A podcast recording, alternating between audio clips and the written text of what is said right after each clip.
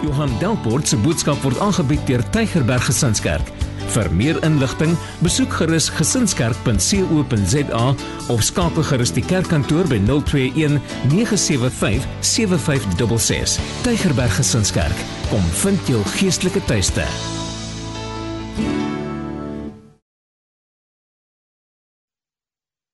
Ag Here, ons kom maak U naam groot in hierdie oggend. Here, dankie dat U ons saamvat in die triomftog. Dankie Here dat U vir ons help om oorwinning te hê in ons lewens.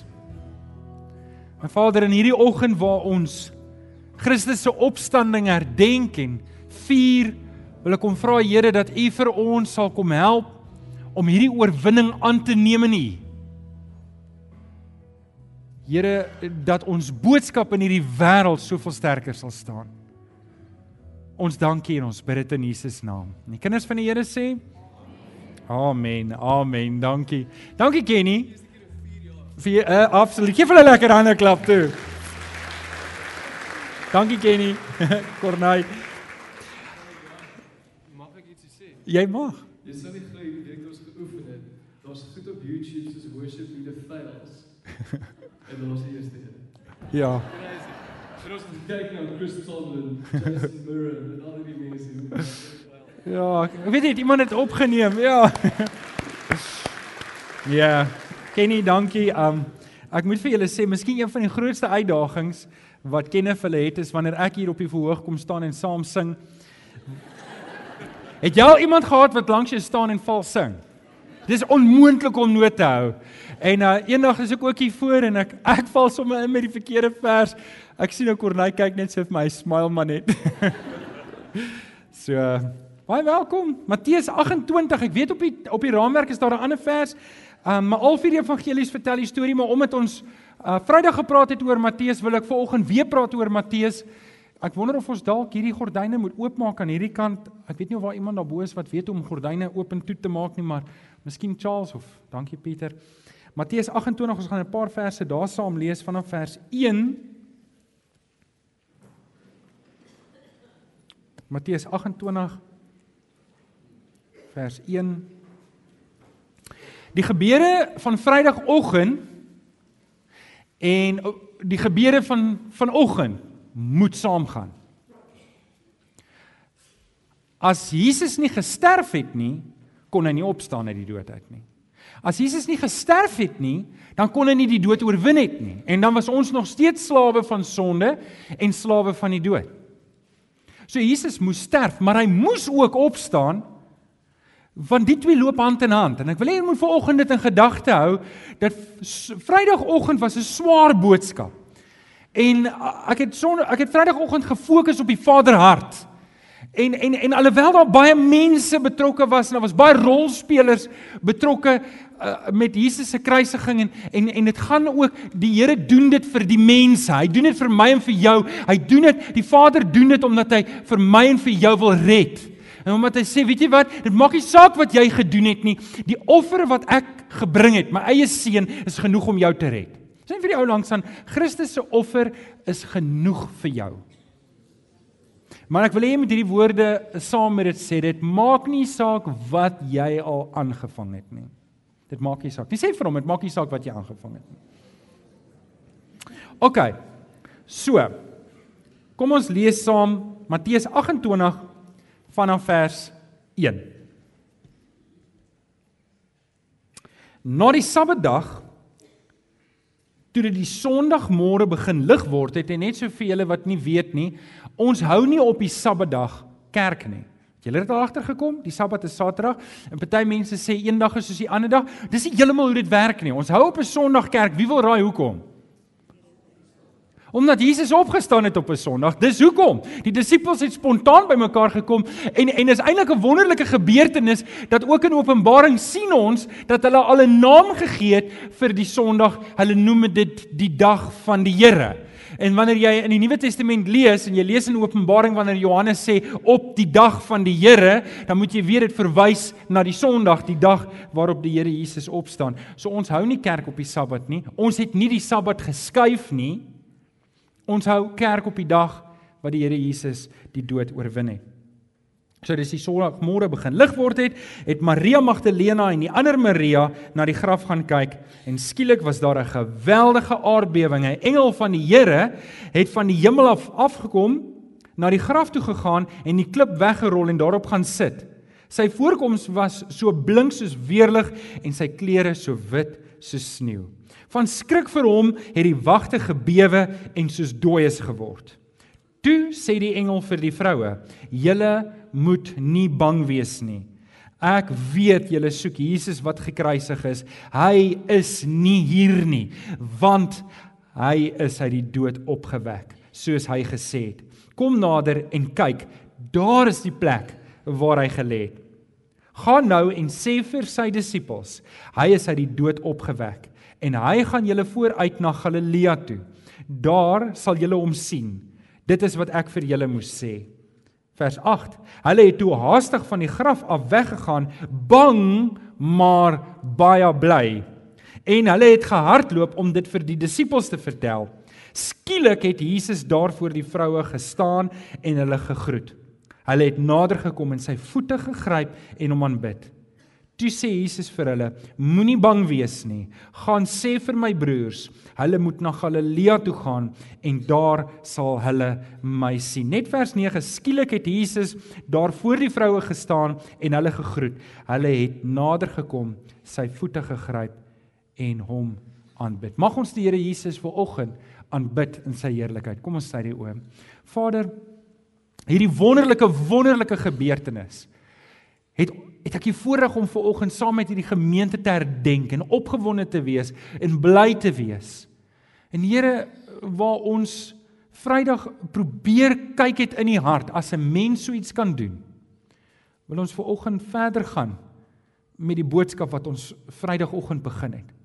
En ons vra Here dat U deur die Heilige Gees ons so bewus sal maak van Christus se opstanding dat dit vir ons elkeen 'n werklikheid sal wees hier waar ons sit maar Vader dat ons u liefde sal beleef in dit alles.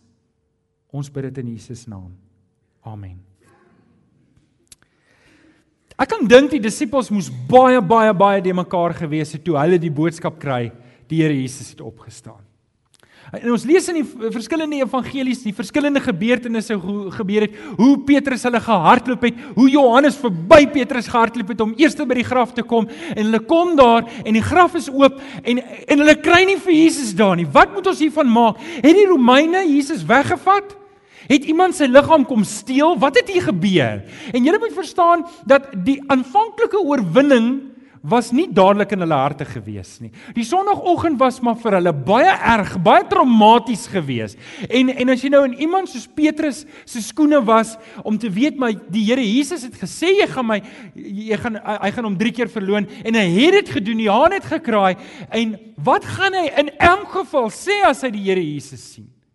En en en en Thomas wat sê man dit kan nie waar wees nie. Hy kan nie uit die hy kan nie uit die dood uit. Want sien ons reëls. Daar's reëls. As iemand op die kruis opgaan, dan kom hy nie lewendig af nie. Hy gaan dood.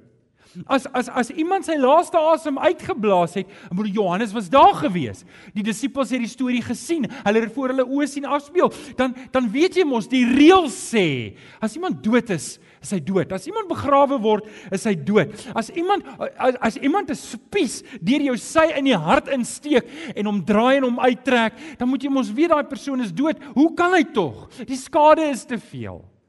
Weet Lazarus kan jy sê maar Lazarus was dalk aan natuurlike oorsake dood en jy kan vir jouself probeer stories opmaak om sy eh, opstanding uit die dood uit te probeer regverdig om te sê maar dalk was Lazarus nie regtig dood nie maar Jesus hy was gemartel tot die dood toe. En om seker te maak hy's dood is hy deur die hart gesteek. So daar's net nie 'n kans nie. En nou hoor ons hierdie stories dat hy het opgestaan. En en en en ek kan dink die die manne was die mekaar, hulle was ontstel. Dit was nie die oorwinning wat ons nou hier vier nie. Die, die Martha Maria, um, um, die twee Marias, hulle was bly. Hulle het Jesus gesien, maar ek kan dink die disippels het gedink, nee man, dit kan nie waar wees nie. Maar nou julle, alhoewel die baie menslike faktore vanoggend is, gaan ek nie eintlik vanoggend praat oor die menslike faktor nie. Ek wil 'n treukie teruggee en ek wil ek wil die groter prentjie vanoggend aan julle verduidelik. Miskien kan ons volgende jaar net praat oor die mense. Ons het nou Vrydag gepraat oor die Vaderhart en hoe hy dit moes beleef toe sy seun gesterf het en vanoggend wil ek aangaan wat hierdie oorwinning in Christus vir ons beteken vandag. So ek gaan nie vreeslik kyk na die mense nie, maar ons kan volgende week, of volgende jaar daarna kyk as dit reg is met julle. Op julle raamwerke wil ek hê julle moet my volg. Um Die Fariseërs het hulle sê gesê oor die Here Jesus. Die skrifgeleerdes, hulle het hulle sê gesê oor die Here Jesus. Die Jode, hulle het geskree kruisig hom, kruisig hom, kruisig hom. Hulle het hulle laaste sê gesê. Ja, Pontius Pilatus het sy laaste sê gesê en hom oorgelewer. Die rowers het hulle laaste sê gesê en hulle het hom bespot en hom beswadder. En God het toe sy sê gesê. En vanoggend wil ek hê julle moet hoor dat al sou iemand sterf het selfs die dood nie die laaste sê nie. God het altyd die laaste sê. En vanoggend wil ek hê jy moet jou hart oopmaak vir hierdie tema dat God het die laaste sê oor die Here Jesus, maar hy het ook die laaste sê oor jou en oor my. Hy het die laaste sê. Nie die duiwel nie. Nie jou ma of pa of jou vriende of enigiemand wat jou probeer aftrek nie. Niemand het die laaste sê oor jou behalwe God die Vader nie. En ek wil hê jy moet hoor wat hy vooroggend sê in sy woord rondom die kruisiging. Ons lees in Petrus in Handelinge 2, 'n Petrus preek en hy en hy preek in Handelinge 2 vers 24. Ons lees, hy sê maar julle het hom gekruisig. Hy beskuldig die Jode. Hy sê maar God het hom die smarte van die dood uit die smarte van die dood verlos en hom uit die dood uit laat opstaan. Julle dis die laaste wonderwerk van die kruisiging. Die Here Jesus staan uit op die dood. Die dood is oorwin. En dis die troos wat ek en jy vanoggend het dat as ek in Christus is, al sal ek sterf, sal ek lewe. Kom ons kyk gou-gou 'n bietjie na die boodskap. In Filippense 3 vers 10 staan daar: Al wat ek wens, Paulus skryf, hy sê dis al wat ek wens is om Christus te ken en die krag van sy opstanding. Al wat ek wens is om Christus te ken en die krag van sy opstanding. Nou gaan nou meer daaroor uitbuit. Hier's 'n boodskap vir julle en hierdie is 'n boodskap van oorwinning. Ek wil hê jy moet vanoggend hoor dat ek en jy het oorwinning in Christus. Dis nie oorwinning wat ek self bereik nie, dis oorwinning wat Christus bereik het aan die kruis. Dis oorwinning oor sonde. Niemand van niemand van ons moet hier sit en sê, "Maar ek is maar net 'n sukkelaar nie. Ek sukkel maar net met my sonde nie. Ek sukkel nie." Julle die prys wat die Here Jesus aan die kruis betaal het en die prys wat die Vader betaal het en die krag wat hy gebruik het om hom uit te, die dood uit tot op te wek, is te groot vir my en jou om te sê ek kan maar net aangaan met 'n ou lewe. Amen. Amen. So dit is dis die dis die boodskap wat ons het. Daar's 'n goeie nuus. En julle ek sê dit gereeld, maar die krib is leeg. Die kruis is leeg. En nou kan ons vir mekaar sê die graf is leeg. Hier het 'n wonderwerk gebeur en dis die boodskap, dis die krag, daar's oorwinning, daar's lewensverandering. Nou, op die ra raamwerk, wat beteken dit dat God die laaste sê? Wel die eerste ding wat ek wil hê ons moet van kennis neem is God se planne is onveranderd. God se planne is onveranderd. Sy planne het nie verander nie. Weet julle ons lees in Genesis 3 dat Adam het het die mensdom in die sonde ingedompel. Dis Adam se skuld, nie Eva se skuld nie, maar Adam se skuld. Adam was by Eva, hy het nie vir Eva beskerm nie. Hy het nie vir Eva gesê, "Luister maar ons luister nie na die slang nie." Vir die manne wat hier sit, wil ek julle herinner dat Eva was nie geskape toe God vir Adam sê, "Van al die bome mag julle eet, behalwe van die boom van kennis en goed en kwaad. Daarvan mag julle nie eet nie, want die dag as julle daarvan eet, sal julle sekerlik sterf." En Adam staan toe en hy's by toe Eva en die slang praat. En ons sien Eva het geweet wat die boodskap was, want terwyl sy en die slang praat, sê die slang, "Maar het God regtig gesê julle mag van geen van hierdie bome eet nie?" En Eva sê die waarheid. Sy sê, "Nee, dis nie wat God gesê het nie. God het net gesê ons mag nie van die boom eet in die middel van die tuin, die boom van kennis van goed en kwaad." En ons ken die hele storie. Die slang gesê, "Nee man, God weet julle gaan word soos hy." En Eva kyk toe na die na die vrug en sê, "Maar hierdie vrug lyk mooi." En sy eet en sy gee vir haar man wat by haar staan. Dis hoekom Adam ons in die sonde gedompel het. Maar die straf is interessant en ons lees en ons het dit in die Genesis boekie gedoen laas jaar, die van julle wat die boekie saam gedoen het, dat God sê vir Eva, ek stel vyandskap tussen jou nageslag en die nageslag van die slang. Ek stel vyandskap tussen julle. En nou wie is die slang? Is Satan. Is nie die slang wat in die tuin is nie. So as jy 'n vurk vat en jy steek 'n slang dood en jy sê maar die Bybel sê ons moet die slang doodmaak, dan jy die verkeerde slang beet. Net vir as jy gewonder het. Die slang daar is Satan en en en God sê baie baie baie interessante ding en hy sê die ding en as jy dit nie in die konteks van die Nuwe Testament verstaan nie, gaan dit nie sin maak nie. Hy sê ek stel in die Hebreë sê ek stel vyandskap tussen jou saad vrou en sy saad slang. En ons weet vrouens het nie saad nie. Nou hier's kinders hier, ons kan nie in te veel detail ingaan nie. Ons wil nie nou 'n biologie klas gee nie, maar waarby ek wil uitkom is dat Josef was nie Jesus se pa nie die Heilige Gees was. En ons lees dat die straf op die slang en wat gaan gebeur in Genesis 3 vers 15 lees ons dat dat God sê jou nageslag gaan hom in die hakskeen byt, maar jou nageslag gaan hom in die kop vermorsel. Watter mens kan die slang, kan Satan in die kop vermorsel behalwe die een wat God self is wat aan die kruis gesterf het. En dis die oorwinning. En ek wil vir julle sê God se plan het van die begin af nie verander nie. God het Adam en Eva in die tuin van Eden gesit met die plan om 'n verhouding met hulle te bou. Hy het die plan gehad om met hulle liefdesverhouding te gehad het. Hy het 'n plan gehad om met hulle 'n pad te stap. Elke middag het hy saam met hulle 'n pad gestap. Dit was God se plan, maar Satan haat God en hy haat vir my en jou. En hy weet die enigste manier hoe ons te kry is om ons ons sonde in te trek. En hy wil vir my en jou trek. En ek wil hê jy moet weet, hoe meer ek en jy vashou in die sonde in ons lewe, Hoe meer as te ware kruisig ek die Here Jesus in my eie lewe. Nou, God se plan het nie verander nie. Hy wil dieselfde verhouding nog steeds met my en met jou hê. Dis hoekom hy 'n plan maak om die Here Jesus te laat sterf, maar nie net om te laat sterf nie. Die oorwinning kom wanneer hy uit die dood uit opstaan. Hy vat die angel van die dood vat hy weg. En sê ek en jy kan nou die ewige lewe hê in Christus wanneer ons hom aanneem, wanneer ons ons rug draai op ons sonde. God se plan het nie Wat sê Johannes 10 vers 10? 'n Dief kom net om te steel en te slag en uit te roei, maar ek het gekom sodat jy die lewe kan hê en dit in oorvloed. Dis God se plan. Dis God se plan. Kan ek nog 'n versie wat ons baie lief is om aan te haal? Ons is baie lief daarvoor om Jeremia 29 vers 11 aan te haal wat sê ek weet wat ek vir julle beplan sê die Here. Ek wil vir julle voorspoed gee, nie teëspoed nie. Ek wil vir julle 'n toekoms gee. Ek wil vir julle 'n verwagting gee. Julle ken die vers, nê? Voordat ek iets oor daai vers sê, wil ek net vir julle sê, die gedagte van die duiwel wat vir Eva probeer verlei en vir Adam probeer verlei. Ek het 'n vriend wat teen sy braai het hy so groot slaguister so groot slaguister. Hy sê hy het hom eendag op 'n plaas opgetel van 'n vriend van hom. Die mense, die boere sal slaguisters uitsit. Ek weet nie of hulle dit nog steeds so doen nie. Hulle sal slaguisters uitstel en wat hy het, hy het 'n skroefdraad wat hy opwen en dan maak hy oop en dan is daar 'n plaatjie en as die dier op hom trap, dan sal hierdie eystertande toekap op die dier se been en dan sal hom hê. En dan sy met 'n ketting of in 'n boom vas of met 'n diep pen in die grond ingekap sodat daai dier nie kan wegkom nie.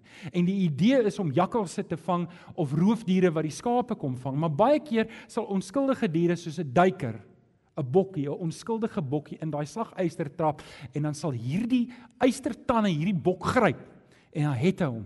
En omdat die bok nie intelligent genoeg is om te verstaan wat met hom aangaan nie, sal hy al om hierdie lokval loop en dan sal hy sy eie been mos afdraai dat daar niks van sy been oor is nie.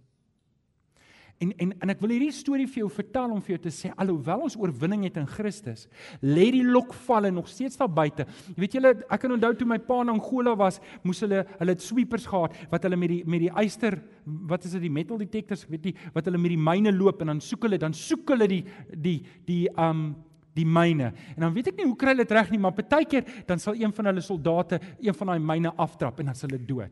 En en ek wil ek wil hê jy moet verstaan, die vyand, alhoewel hy alhoewel hy alhoewel hy oorwin is aan die kruis, hy het nie meer die reg op ons siel nie. Hy kan ons nie meer in die hel sleep nie. Christus se oorwinningswerk is groter as die werk wat Satan kom doen. Is hy nog steeds 'n dief en hy loop nog steeds rond soos 'n brullende leeu en hy wil nog steeds kyk waar kan hy steel en roof en hy het hierdie slagysters oral in in in ons lewe wat hy ons wil vang. En as ons het wil hy ons nie los nie. Want die eerste ding wat hy doen as hy my en jou in sonde vang is hy is hy maak ons skaam.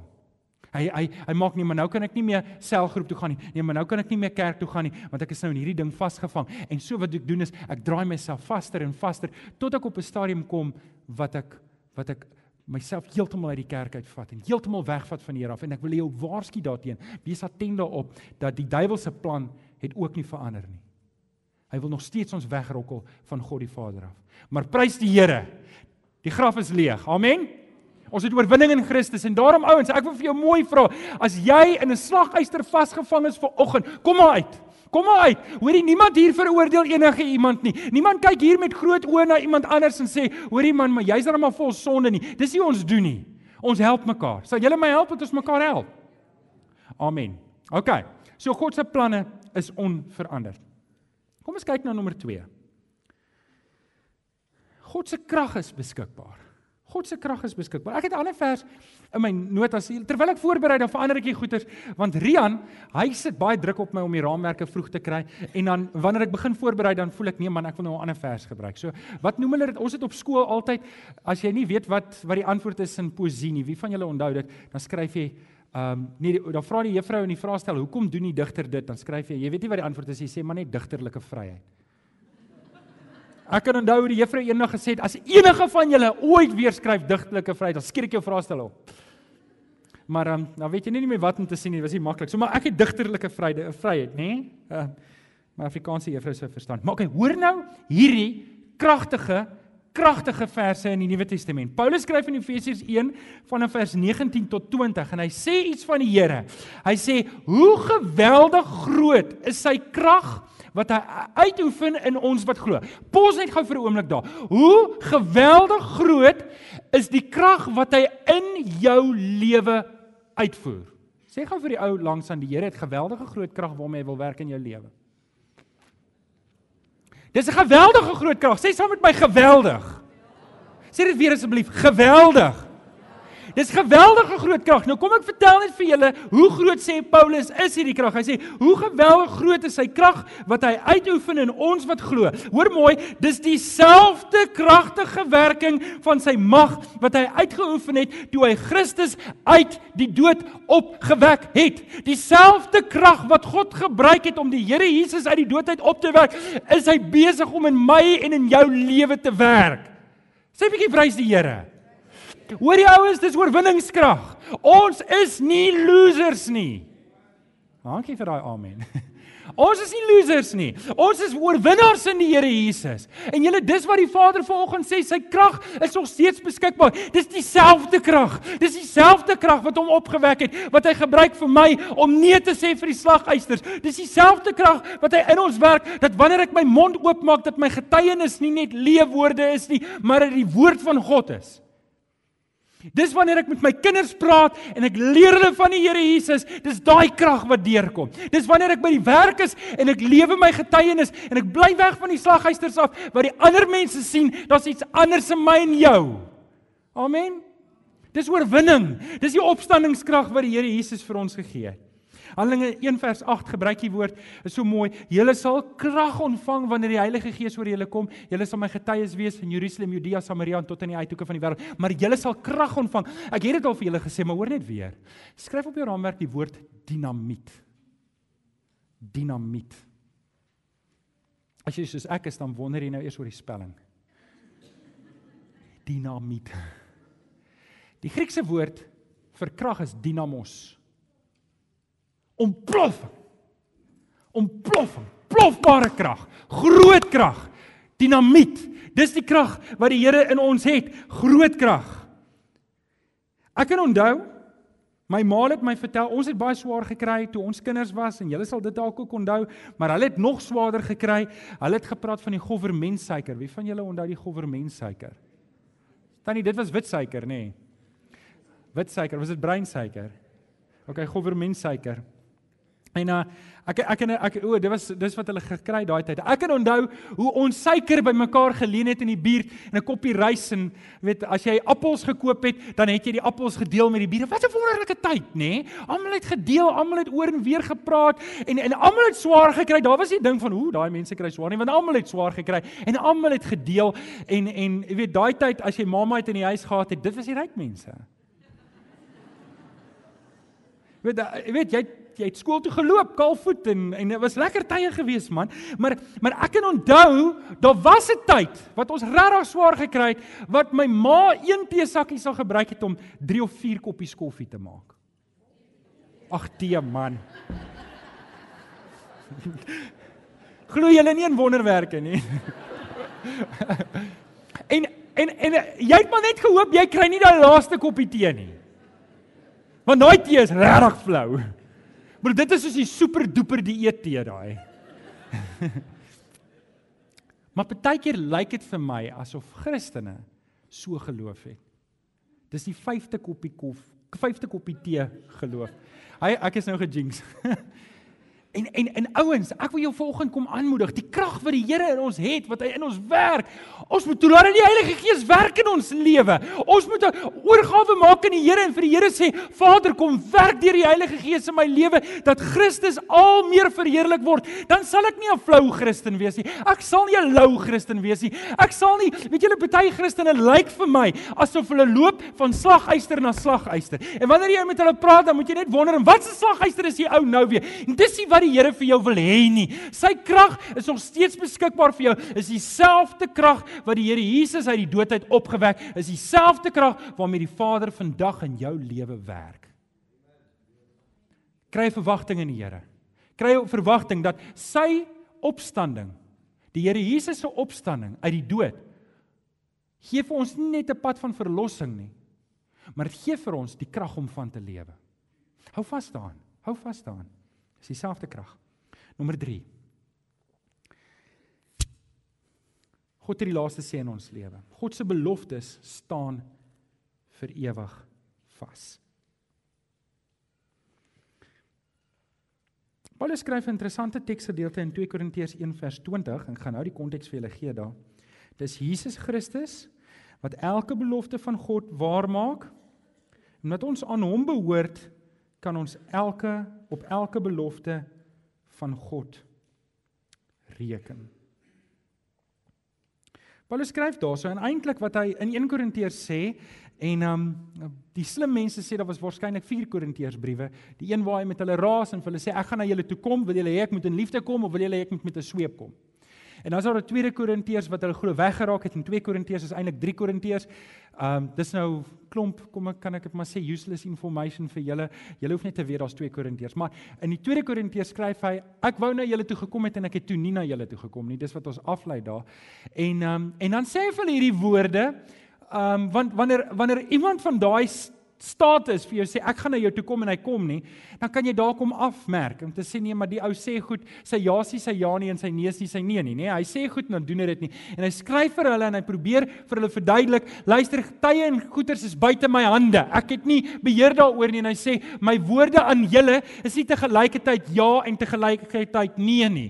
En ouens, ek wil nou vir jou mooi vra ook dat as ek nou in Paulus se skare weer mag staan vir oggend, dat baie keer gaan ek 'n intensie hê om iets te doen doen en dan gaan goed uitwerk dat ek dit nie kan doen nie al het ek gesê ek gaan dit doen want dis wat met Paulus gebeur het maar omdat ek nie die tye kan beheer nie omdat ek nie weet wat vir my voorlê nie sê ek maar wat ek vir jou sê is maar 'n wens ek hoop ek kry die geleentheid in die genade van die Here soos die Here wil dat ek iets kan doen En Paulus sê ek kon dit nie gedoen het nie. So my my intensie was, ek was nie moetswillig om vir julle te sê ek gaan dit doen en toe sê ek, "Ah, ah, ah ek het dit nie gedoen nie."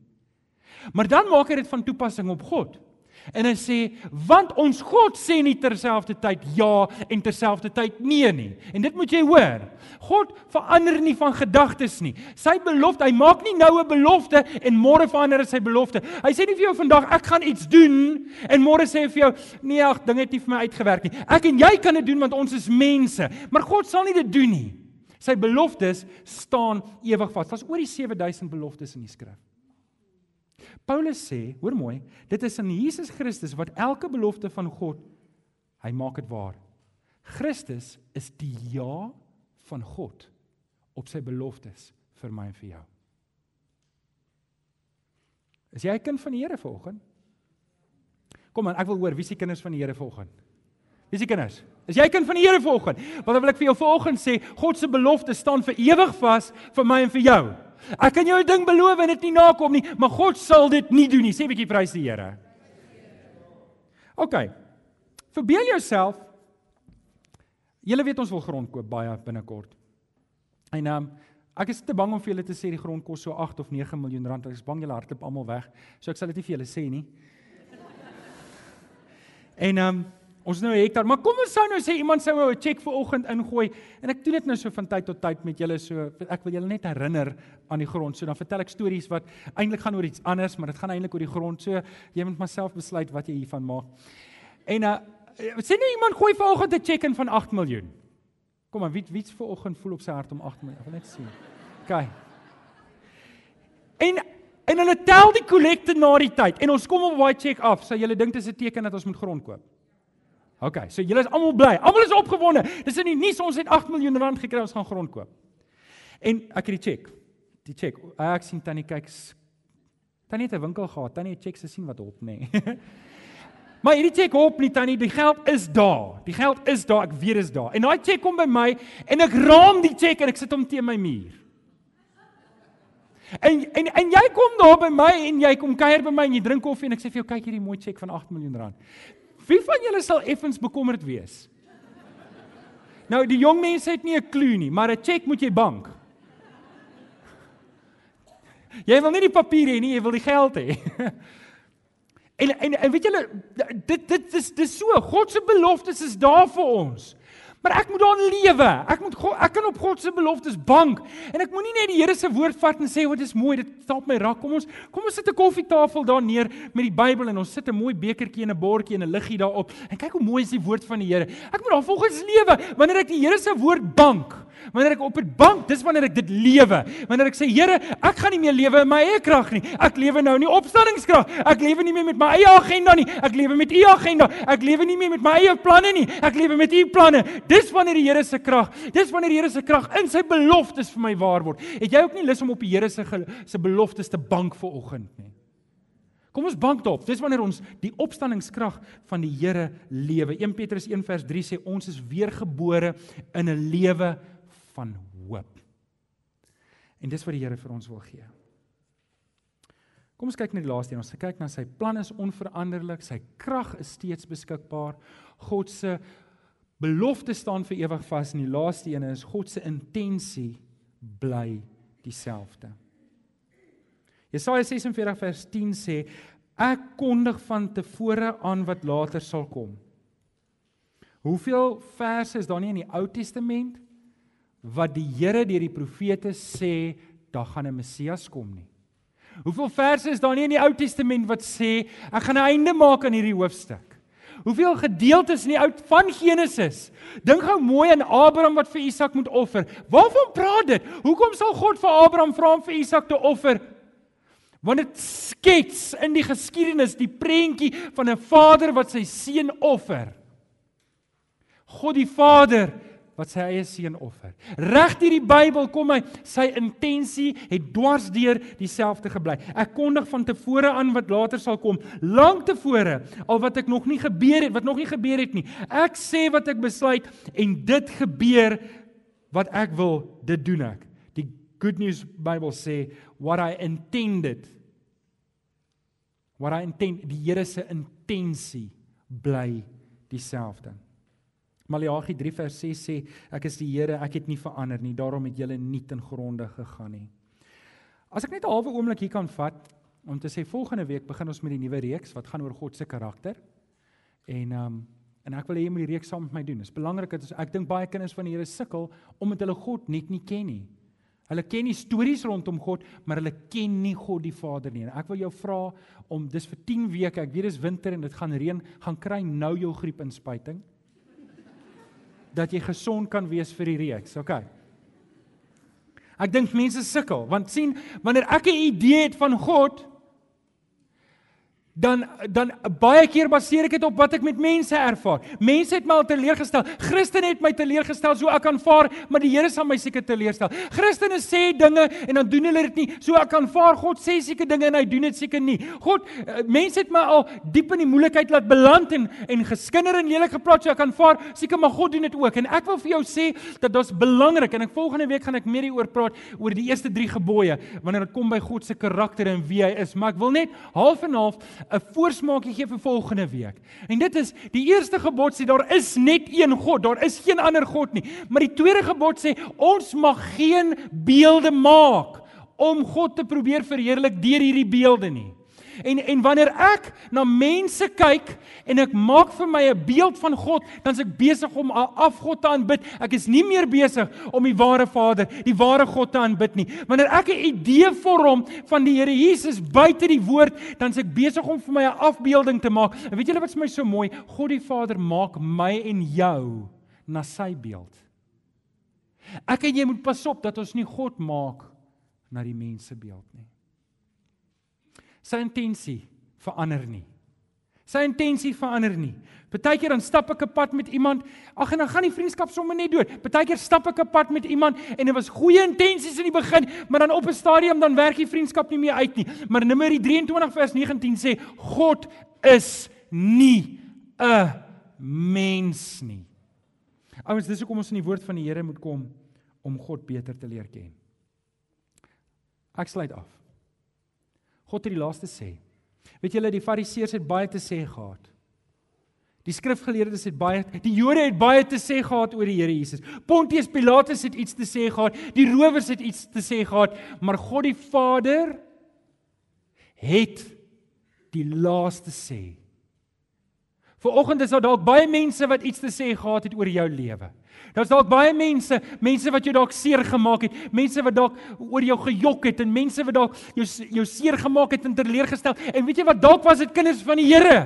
Dalk was dit was dit manne en vroue wat jy gedink het is 'n man van God of is 'n vrou van God en hulle dinge gesê en het jou seer gemaak. Maar ek wil jou vanoggend vra asseblief in jou hart, moenie toelaat dat 'n mens die laaste sê het oor jou nie. Vanoggend wil ek jou mooi kom vra, die opstandingskrag van die Here werk in my en jou. Dis dieselfde krag. God het die laaste sê oor jou. Laat toe dat God die laaste sê oor jou, dat dit wat in die woord van die Here staan, dat dit die laaste sê oor jou. En wat God van jou sê is, hy wil jou red. Sy planne het nog nie verander nie. Hy wil nog steeds 'n verhouding hê met jou. Sy krag is steeds beskikbaar. Dis oorwinningskrag. Dis krag wat jou help om uit die slaghuisters van die sonde te bly. Dis dis dis dis dis die krag wat help dat jy nie deur die duiwel opgevreet word en oorrompel word nie. Dis die krag wat maak dat jy kan nee sê vir sonde. Dis dieselfde krag wat die beloftes vir jou waar maak. Christus sê vanoggend vir jou ja.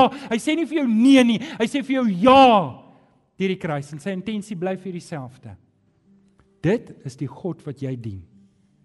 Dis hoekom hy die Here Jesus laat sterf het aan die kruis en hom weer opgestaan het. God het dit gedoen vir my en vir jou. Sy krag is vandag vir jou beskikbaar. Ek wil vir jou bid.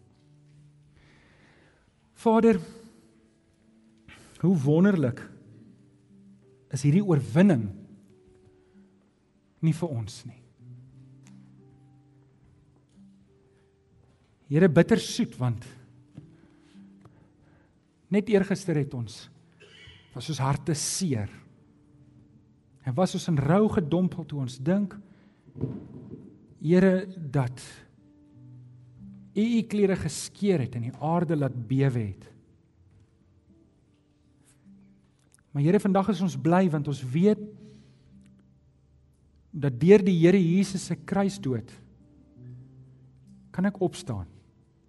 Kan ek uit die duisternis uitkom en kan ek in die lig kom lewe want my sonde is vergewe. Maar die oorwinningskrag beteken vir oggend Here dat ek nie hoef aan te gaan in 'n ou lewe nie. Ek kan opstaan teen dit.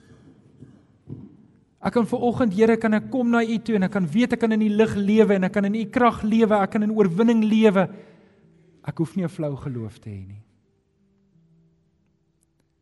Ag gaan julle ek gee so gereeld geleentheid dat ons kan reageer. Maar dalk is dit 'n ding wat jy ook wil afskud. Te sê ek is genoeg, ek het genoeg gehad van 'n vierde koppie tee geloof. Wat flou is, wat niks werd is nie. In die Here wil ek die opstandingskrag ervaar. Ek het genoeg geloop van slaguister na slaguister en is vasgevang. Ek wil in die oorwinningskrag lewe. Ek wil opstaan teen dit. Ek kan opstaan want die Here Jesus het opgestaan. Ek kan oorwinning kry omdat hy vir my die oorwinning gegee het. Ek wil vir jou geleentheid gee. As jy ver oggend sê ek is klaar met 'n flou kristendom en jy wil opstaan en jy wil standpunt inneem, wil ek jou uitdaag, staan op. As 'n gebed om te sê Here Jesus, ek is klaar met 'n slaguister lewe. Ek is klaar met 'n flou geloof. Ek is klaar met hierdie dinge wat my terughou. Is daar nog iemand wat wil opstaan om te sê hier's ek Here? Of vir julle bid wat staan. Nog iemand wat wil opstaan? OK. Here, U sien ons harte. Here, U sien ons wil nie 'n sukkelaars bestaan voer as ons weet in Christus is ons meer as oorwinnaars nie. Die opstanding van die Here Jesus is die dood oorwin, die sonde is oorwin. Ons is vry. Ons is oorwinnaars. Here, U weet waarmee elkeen van ons sukkel. Kom gee U vir ons die oorwinning. Ons bid dit in Jesus naam. Amen. Amen. Kom ons staan. Kom ons staan en ons sing hierdie lied as 'n oorwinning. Ons sing dit as 'n oorwinning dat die Here vir ons opgestaan het en dat ons 'n boodskap het, ons het 'n storie om te vertel. Dankie Kenneth. Baie dankie dat jy na hierdie boodskap geluister het. Ons glo dat elke gelowige binne die konteks van 'n gemeente behoort te groei. Indien jy nog nie by 'n gemeente ingeskakel is nie, kom besoek ons gerus hierdie Sondag by Laerskool Jean Louw se skoolsaal, Tulipstraat, Amanda Glen, Durbanville. Tygerberg Gesinskerk. Kom vind jou geestelike tuiste.